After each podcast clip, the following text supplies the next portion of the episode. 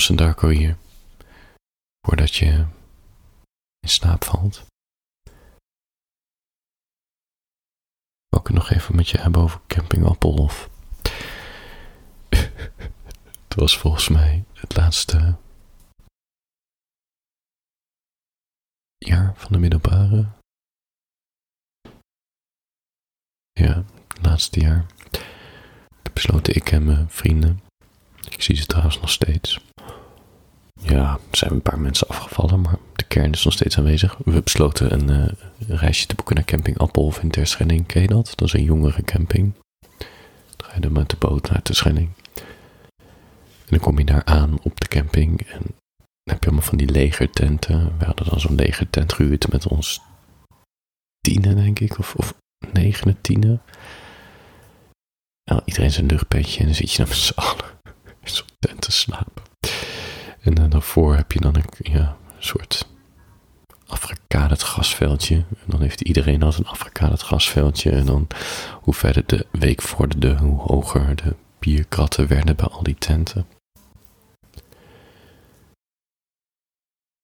Het was echt een absurde ervaring.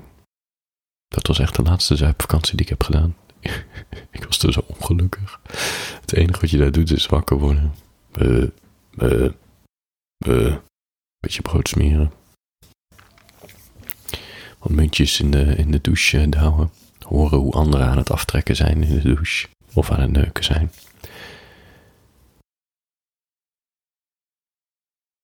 Ergens in de middag begin je te zuipen. Begin je te roken. Je een barbecue of, of, ga, of in een restaurant wat eten. S'avonds zuip je nog wat meer. Vervolgens ga je met de taxi of, uh, of met een gehuurde fiets naar een discotheek in de buurt of in een kroeg.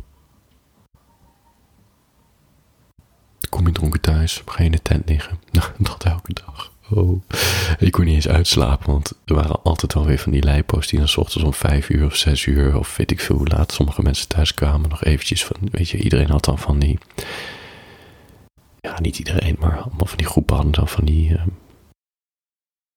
van die boxjes, begrijp je? Dan niet een klein boxje, maar echt van die huge motherfucker boxen waar echt veel kabaal uit kwam. Echt van die, gewoon van die gitaarversterkers, maar dan voor muziek. Die gingen ze dan even s ochtends om zes uur even voor, voor, voor vier minuten drie minuten dat ding keihard aan voordat de beveiligers ingrepen. Dan was je weer wakker. Oh. oh, het was zo erg. En niet alleen dat. Dan zit je dus voor het eerst echt een lange tijd opgeschreven met je vrienden. En sommigen hadden een vriendinnetje mee, anderen niet. En ja, je krijgt gewoon irritaties. Over opruimen. En over wat je gaat eten. En over smeer gescheten. Want iemand niet. Ik, ik zweer het je. We hebben twee mensen, een jongen en een meisje. Uh, laat me zeggen, de vriendin van een. Zeggen de vriendin van een vriend. Die kreeg dan weer ruzie met een andere vriend. Over zijn vieze scheten die hij altijd haar kat opdeed. ja, als je de hele week bier zuipt en heel slecht eet. Ja, dat ruikt niet heel plezant. Dus was het echt helemaal zat. Ik weet niet of ze hem geknokt hebben. Volgens mij zijn ze nog net uit elkaar gehaald. Maar het, is, het bevorderde de sfeer niet, dit soort ruzies. Oh, toen, toen we eindelijk weg mochten, moest je wachten voor de, voor, voordat je mocht uitchecken of whatever. Er kwamen de beveiligers langs om te kijken of je natuurlijk al je het speelgoed hebt opgeruimd en of er niet te veel bierdopjes rondom de tenten liggen. Nou ja, en echt diep in het gas liggen allemaal bierdopjes van al die mensen die hiervoor hebben gezeten. Dus dan komt die beveiliger en die wijst dan allemaal van die bierdopjes die hem niet van jezelf zijn. Maar toch blijkbaar ergens diep in de grond zijn gestampt die je dan uit mag peuteren en in de vuilniszak mag gooien. Oei, oei, oei.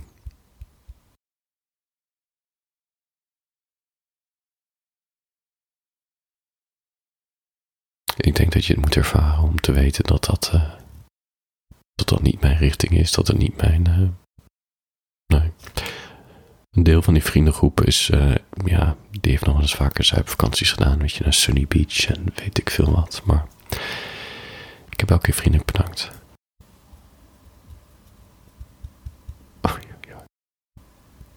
Weet ik zoveel gezopen.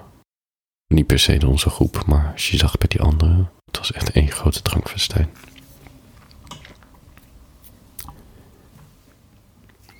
Voor, voordat je in slaap valt. Wat trouwens helemaal niet erg is. Het is belangrijk goed slapen.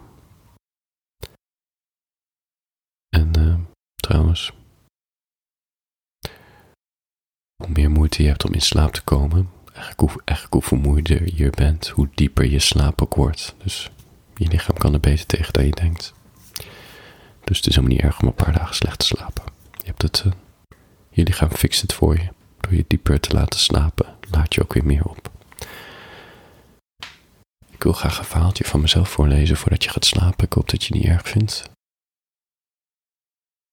Um, ik dacht, misschien is het leuk om nog een verhaaltje voor te lezen uit mijn bundeltje Ik mis je nog steeds. Dat zijn 25 teksten van mij over liefdesverdriet. Uh, die kan je in mijn shop kopen als je interesse hebt. store.zakkerkidden.eu Of ga naar Thompson Darko, dan en dan even klikken op uh, de winkel. Um, dit, dit verhaaltje heet Je woorden zijn wapens.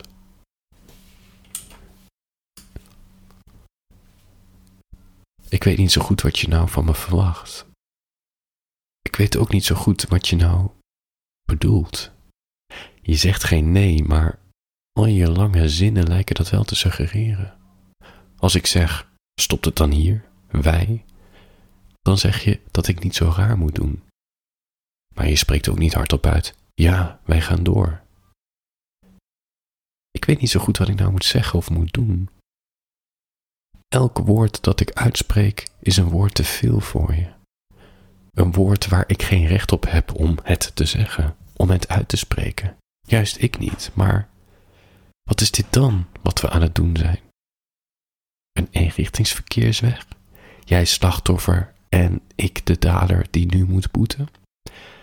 Al je smerige woorden en schelpartijen, elke dag weer, als een zweep, pats, op mijn rug.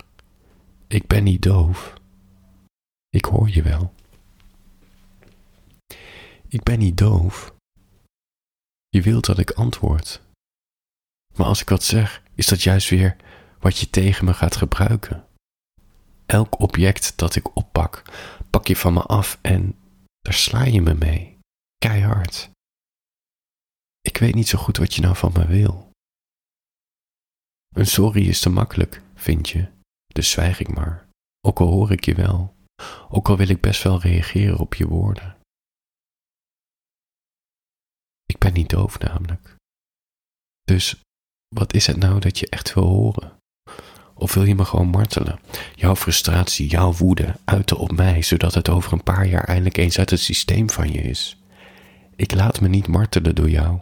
Niet door je woorden, niet door de felheid in je stem, niet door de verhalen die je aan anderen over mij vertelt. Ik ben niet wat je zegt dat ik ben. Dat ben ik niet. Dat houdt me overeind. Ik ben niet wat anderen van me vinden. Dus ik blijf jou dezelfde vraag stellen, verpakt in een analyse, elke keer op een iets andere manier uitgesproken. Ik weet gewoon niet zo goed wat je van me vraagt. Ik weet gewoon niet zo goed wat je van me verwacht. Ik weet gewoon niet zo goed wat je nou van me wilt. Wat je wil dat ik doe.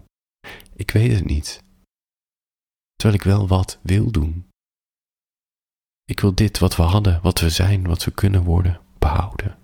Ik wil dat je blijft. Ik wil gewoon dat je blijft, alsjeblieft.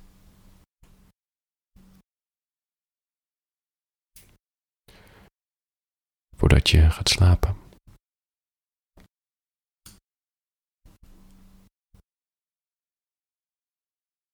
Vroeg ik me af of je wel eens gehoord hebt van die uitdrukking.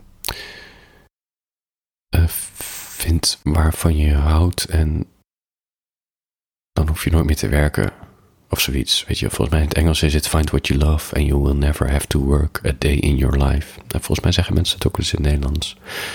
Vind waarvan je houdt en je, en je hoeft nooit meer te werken. Het is eigenlijk zo'n zo'n uitdrukking, ja, zo'n tegeltjeswijsheid die je bij je oma of opa aan de muur zou kunnen aantreffen. Denk dat het zo'n vreemde uitgangspunt is, soms vreemd uitgangspunt is om, er, om voor te leven. Dat we hier op aarde zijn gekomen, dat je je zingeving moet vinden door iets te vinden wat je heel erg leuk vindt. En ja, dat je dan eigenlijk nooit meer dat werkgevoel hebt.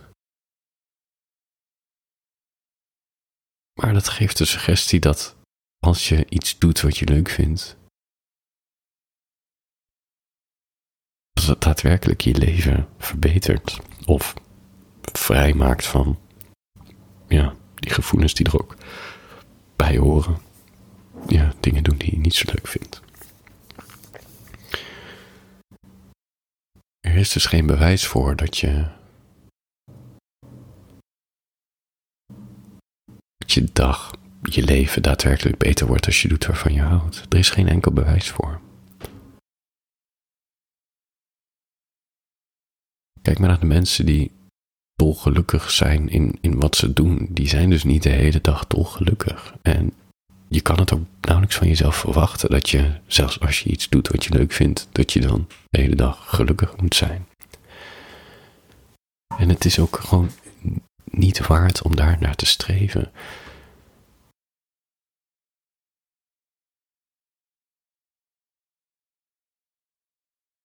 Ik las een onderzoek, volgens mij Amerikaans, die zeggen dat je veel beter een realistisch doel kan nemen. En het realistische doel hebben ze gevonden, dat zit bij 20%. Dus doe 20% van de dingen op een dag die je leuk vindt. En dat zal je leven daadwerkelijk beter maken.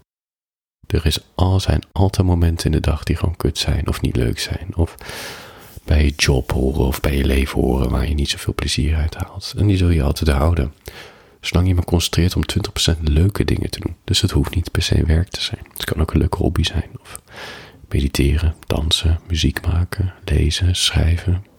Als je gewoon 20% van de dag daarvoor tijd vrij kan maken. Hoe saai misschien je werk ook is, of je studie of whatever. Maakt het toch je dag wat leuker dan dat idee dat je een baan moet hebben die fantastisch is, zodat je een fantastisch leven hebt. Het is een illusie. 20%. 20% leuke dingen doen per dag. En dat hoeft niet werk te zijn, het kan van alles zijn. Zoek het juist in de hobby's. Laat die telefoon gewoon eens even een uurtje links liggen. Ga gewoon schrijven. Schrijf je gevoelens op. Maak kunst van je tragedie. Dat, uh, dat zou ik adviseren.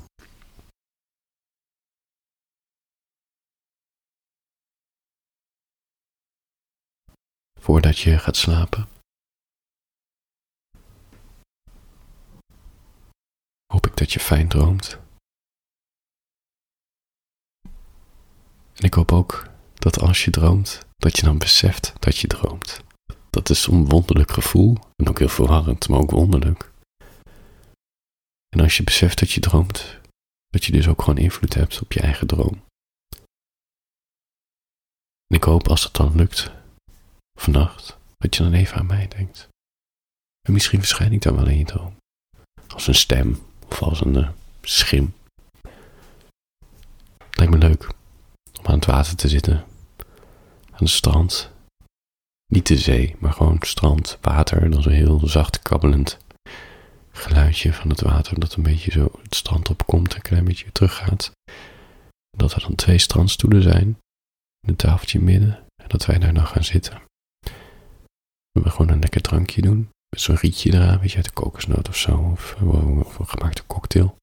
Dat we elkaar in de ogen aan kunnen kijken en dat we dan kunnen proosten.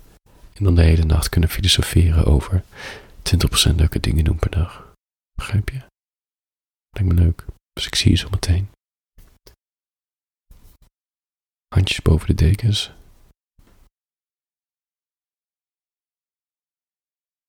Slaap lekker.